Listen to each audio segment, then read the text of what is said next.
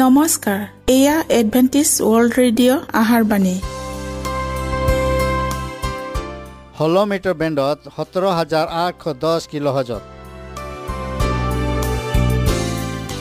Adventist world radio যোগে অসমীয়া ভাষাত প্ৰচাৰিত আহাৰবাণী প্ৰত্যেক বুধবাৰ আৰু দেওবাৰ সন্ধিয়া সাত বজাত আহাৰবাণী শুনাৰ পিছত আপোনালোকৰ কিবা মন্তব্য আৰু প্ৰশ্ন থাকিলে আমালৈ এই ঠিকনাত লিখক। আমাৰ ঠিকনাটি হৈছে Adventist world radio' seven day Adventist মণ্ডলী অসম শাখা লতাকাটা বশিষ্ট গুৱাহাটী সাত আঠ এক শূন্য দুই ন।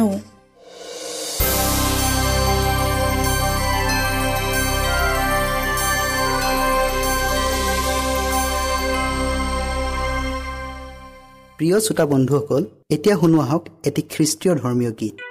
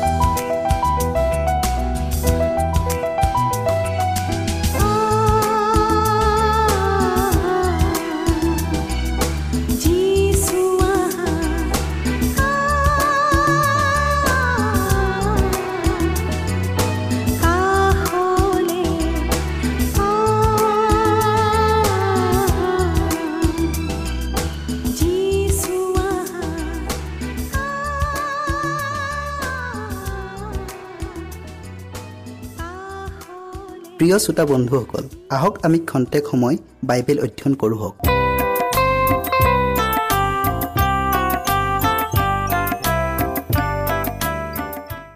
আজি আমি ক্ৰুচৰ বিৱৰণৰ দ্বিতীয় ভাগ আলোচনা কৰোঁ হওক। নতুন নিয়মৰ দ্বিতীয় সুবাৰ্তাখনত কৈছে আৰু তেওঁৰ সোঁফালে এজন বাওঁফালে এজন এইদৰে দুজন ডকাইতক তেওঁৰ লগত ক্ৰুচত দিলে। তেতিয়া ক্ৰুচত আঁৰি থোৱা সেই দুটা দুষ্কৰ্মীৰ এটাই তেওঁক নিন্দা কৰি ক'লে আপুনি খ্ৰীষ্ট নহয়নে? নিজকে আৰু আমাকো ৰক্ষা কৰক। পাছে আনজনে ক'লে হে যীশু আপুনি আপোনাৰ ৰাজ্যলৈ আহিলে মোকো সোঁৱৰিব। যীশুৱে তেওঁক ক'লে মই তোমাক স্বৰূপকৈ কওঁ তুমি আজিয়েই পৰম দেশত মোৰ সংগী হবা। এজন ডকাইতে অবাধ্য হৈ যীচুক অস্বীকাৰ কৰি অৰ্থাৎ অনন্ত জীৱনৰ পৰা নিজকে বঞ্চিত কৰি নিজ পাপতেই মৰিল। আজি অনেক সংখ্যক লোকে এই ক্ৰুচেই বহন কৰিছে। তাৰ দৰেই ক্ৰুচত ওলমি থকা যীচুক অৱজ্ঞাসূচকভাৱে ক'লে নিজকে আৰু আমাকো বচোৱা। সি শাৰীৰিকভাৱে ৰক্ষা পোৱাৰ চেষ্টা কৰিছিল। কেন্দ্ৰৰ ক্ৰুচ অৰ্থাৎ যীশুৰ দ্বাৰাই আত্মিক উদ্ধাৰ পোৱাৰ চিন্তা কৰা নাছিল। তাৰ অলেখ পাপ থকা স্বত্তেও আৰু এটা মহাপাপ সংযোগ হ'ল অবিশ্বাস। যীশুৱে এই বিষয়ে কৈছে কিয়নো ময়েই যে সেইজনা ইয়াক তোমালোকে যদি বিশ্বাস নকৰা তেন্তে নিজ নিজ পাপতে মৰিবা। এয়া অবাধ্যৰ ক্ৰুচ। পাপে মানুহক ঈশ্বৰৰ পৰা পৃথক কৰিলে। যীশু মানৱ ৰূপ লৈ পৃথিৱীলৈ আহিল। কিন্তু পাপত মগ্ন হৈ থকা মানুহবিলাকে তেওঁক গ্ৰহণ নকৰি ক্ৰুচত গজাল মাৰি বধ কৰিলে। কিন্তু যি ঈশ্বৰে খ্ৰীষ্টীয়ৰ দ্বাৰাই তেওঁৰে সৈতে আমাক মিল কৰালে সেই মিলনৰ কথা এই ঈশ্বৰে খ্ৰীষ্টীয়ত থাকি জগতৰ অপৰাধ নিলিখি তেওঁৰে সৈতে তেওঁবিলাকৰ মিল কৰিলে। তথাপিও মানুহে অবাধ্যৰ ক্ৰুচ বহন কৰিবলৈ ইচ্ছা কৰিলে। দুয়োজন ডকাইতৰ মাজত থকা ক্ৰুচডালত ওলমি থকা জগতৰ ত্ৰাণকৰ্তা জনাৰ পতীত মানৱ জাতিক উদ্ধাৰৰ অৰ্থে কালবাৰীৰ ক্ৰুচত আত্মবলিদান দিলে। এই ক্ৰুচডাল সৰ্বযুগৰ আশ্চৰ্যৰ ক্ৰুচ। তেওঁ বিনা পাপে আমাৰ পাপৰ ভাৰ বৈ ক্ৰুচত সত হ'ল। যেন তেওঁৰ যোগেদি আমি ঈশ্বৰৰ সৈতে পুনৰ মিলন হওঁ। আমি ভাবি আচৰিত হওঁ যে পৃথিৱী সৃষ্টিকৰ্তা স্বয়ং ঈশ্বৰে তেওঁৰে সৃষ্ট পতীত মানৱ জাতিৰ উদ্ধাৰৰ অৰ্থে এই পৃথিৱীলৈ আহি নাৰকীয় যন্ত্ৰণা ভোগ কৰিলে। যীশুৱে কৈছে অৰণ্যত মুচিয়ে যেনেকৈ সাপটো তুলিছিল তেনেকৈ মানুহৰ পুত্ৰও অৰ্থাৎ যীশুখ্ৰীষ্টেও উত্তোলিত হ'ব লাগে যাতে তেওঁত বিশ্বাস কৰা সকলোৱেই অনন্ত জীৱন পাব পাৰে। আৰু তাকেই যেন প্ৰচুৰকৈ পায়। যিজনা জীৱনদাতা ঈশ্বৰ সেইজনাকেই তাক ক্ৰুচত দিয়ক তাক ক্ৰুচত দিয়ক বুলি উশৃংখল জনতাই আতাহ পাৰিব ধৰিলে। যীশুৱে নৰৰূপেৰে জগতলৈ অহাৰ পূৰ্বেই মানুহবিলাকক সতৰ্ক কৰি সৎপথত চলিবলৈ তেওঁৰ মনোনীত লোকবিলাকক প্ৰেৰণ কৰিছিল। তেওঁ দ্ৰাক্ষাবাৰীৰ দৃষ্টান্তেৰে দুখ কৰি কৈছে। তেওঁ তাক খানি খানি তাৰ পৰা শিলবোৰ উলিয়াই পেলালে। তাত উত্তম দ্ৰাক্ষাৰতা ৰুলে। পাছে দ্ৰাক্ষাগুটি লাগিবলৈ তেওঁ অপেক্ষা কৰি থাকিল। কিন্তু তাত বনৰীয়া দ্ৰাক্ষাগুটি লাগিল। মই দ্ৰাক্ষাগুটি লাগিবৰ অপেক্ষাৰে থাকোঁতে কিয় তাত বনৰীয়া দ্ৰাক্ষাগুটি লাগিল? মই তাক উচ্ছন্ন কৰিম। নতুন নিয়মৰ প্ৰথম সুবাৰ্তাখনত যীশুৱে আন এখন দ্ৰাক্ষাবাৰীৰ দৃষ্টান্তেৰে ক'লে এজন গৃহস্থ আছিল। তেওঁ দ্ৰাক্ষাবাৰী পাতি তাৰ চাৰিওফালে বেৰা দি মাজত পেৰাহাল পাতি টঙিও সাজিলে আৰু খেতিয়কবিলাকৰ হাতত গতাই দি আন দেশলৈ গ'ল। পাছে গুটিৰ বতৰ ওচৰ হলত তেওঁ নিজৰ গুটি পাবলৈ খেতিয়কবিলাকৰ ওচৰলৈ তেওঁৰ দাহবোৰক পঠাই দিলে। কিন্তু খেতিয়কবিলাকে তেওঁৰ দাহবোৰক ধৰি এজনক কোবালে এজনক বধ কৰিলে এজনক শিল দলিয়াই মাৰিলে পুনৰাই তেওঁ আগতকৈ অধিক দাহ পঠালে। তাতে সিহঁতকো সেই একেদৰে ব্যৱহাৰ কৰিলে। পাছে সিহঁতে মোৰ পুত্ৰক আদৰ কৰিব বুলি তেওঁ নিজৰ পুত্ৰক সিহঁতৰ ওচৰলৈ পঠালে। কিন্তু খেতিয়কবিলাকে পুত্ৰক দেখি পৰস্পৰে ক'লে এৱেই উত্তৰাধিকাৰী। আহা আমি এওঁক বধ কৰোঁ হওক তাতে এওঁৰ উত্তৰাধিকাৰ আমাৰ হ'ব। এই বুলি সিহঁতে তেওঁক ধৰি দ্ৰাক্ষাবাৰীৰ বাহিৰ কৰি বধ কৰিলে। এনে স্থলত সেই দ্ৰাক্ষাবাৰীৰ গৰাকী আহিলে সেই খেতিয়কক কি কৰিব? খেতিয়কবিলাকক কি কৰিব?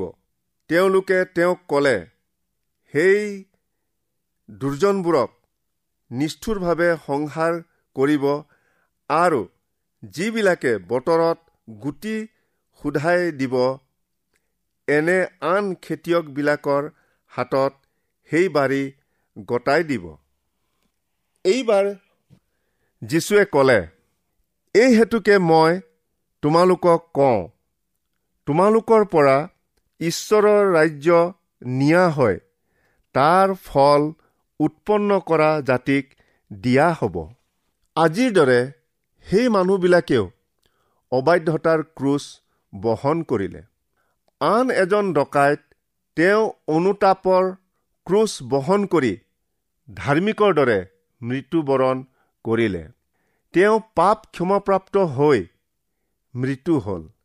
এই ক্ৰুচৰ ডকাইতজন তেওঁৰ জীৱনৰ শেষ মুহূৰ্তত ক্ৰুচৰ ওপৰত ত্ৰাণকৰ্তাজনাক লগ পাই অনুতাপেৰে ক'লে হে যীশু আপুনি আপোনাৰ ৰাজ্যলৈ আহিলে মোকো সোঁৱৰিব। আৰু তেওঁবিলাকে নৌ মাতোতেই মই উত্তৰ দিম। আৰু তেওঁবিলাকৰ কথা নৌ উৰ পৰোঁতেই মই শুনিম। বোলা জনাই ডকাইতজনক তৎক্ষণাত উত্তৰ দি ক'লে মই তোমাক স্বৰূপকৈ কওঁ তুমি আজিয়েই পৰম দেশত মোৰ সংগী হবা। যীশু জীৱিত থকা কালত তেওঁৰ আচৰিত কৰ্মবোৰ দেখি অনেক মানুহে তেওঁক গুৰু প্ৰভু বুলি সন্মানিত কৰিছিল। কিন্তু মৈদামৰ পৰা পুনৰুত্থিত হোৱাৰ পাছত আৰু ক্ৰুচৰ ওপৰত ওলমি থকা সময়ত অনুতাপিত ডকাইতজনৰ বাহিৰে কোনো এজনে তেওঁক স্বীকাৰ নকৰিলে। হয়তো ডকাইতজন বাৰাবা ডকাইত চৰ্দাৰ দলৰ লোক আছিল। তেওঁ গোটেই জীৱনকাল দুষ্কৰ্মতেই অতিবাহিত কৰিলে। আৰু এতিয়া তেওঁ মৰণমুখী যাত্ৰী। তেওঁৰ মন পৰিৱৰ্তন সুযোগ আৰু নাই।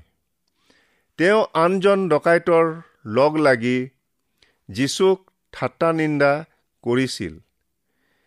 কিন্তু হঠাৎ তেওঁৰ মনত যেন পৰিৱৰ্তন ঘটিল।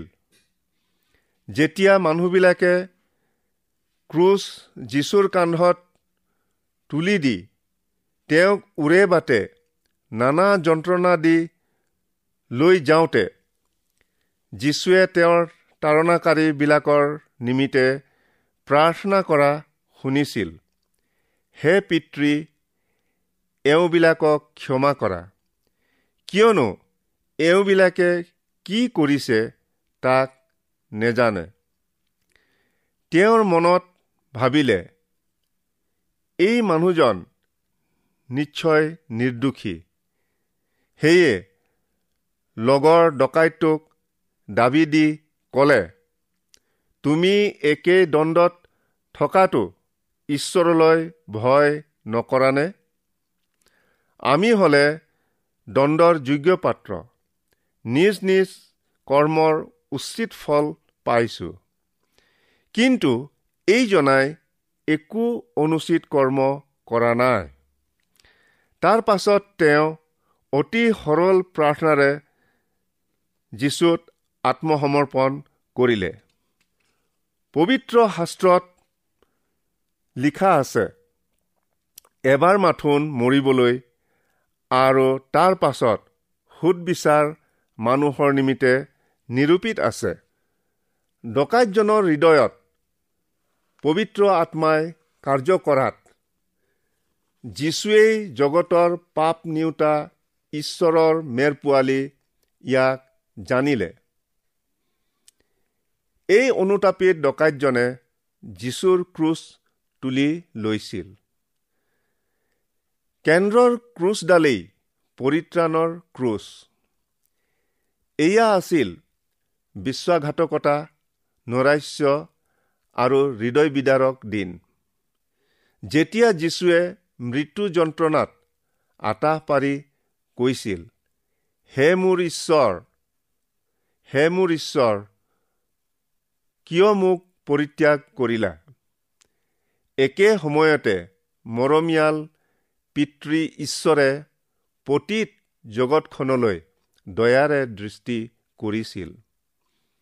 দুজন ডকাইতৰ সৈতে যীশুৰ কিবা পাৰ্থক্য আছিলনে?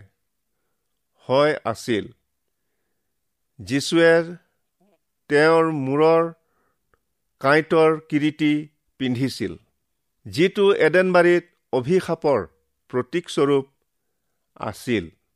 মূৰত কাঁইটৰ কিৰিটি পিন্ধি ক্ৰুচৰ ওপৰত আমাৰ আটাইৰে পাপৰ ভাৰ লৈ সাপগ্ৰস্ত হ'ল।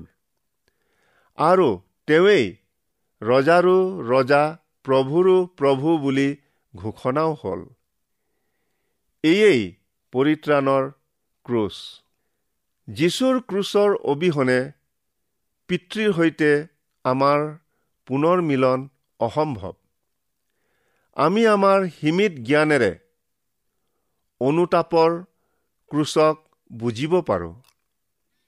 কিন্তু আপোনাৰ আৰু মোৰ অৰ্থে পৰিত্ৰাণৰ ক্ৰুচক কেৱল যীশুৰ যোগেদিহে বুজিব পাৰিম।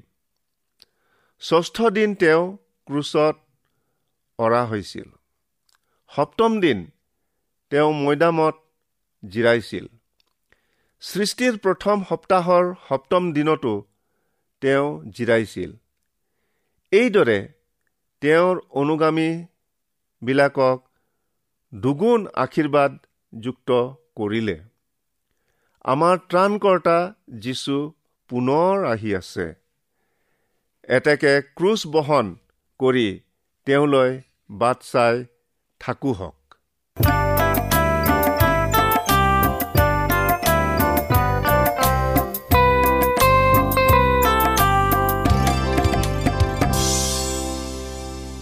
ইমানপৰে আমি বাইবেল অধ্যয়ন কৰিলোঁ। এতিয়া আকৌ শুনো আহক এটি খ্ৰীষ্টীয় ধৰ্মীয় গীত।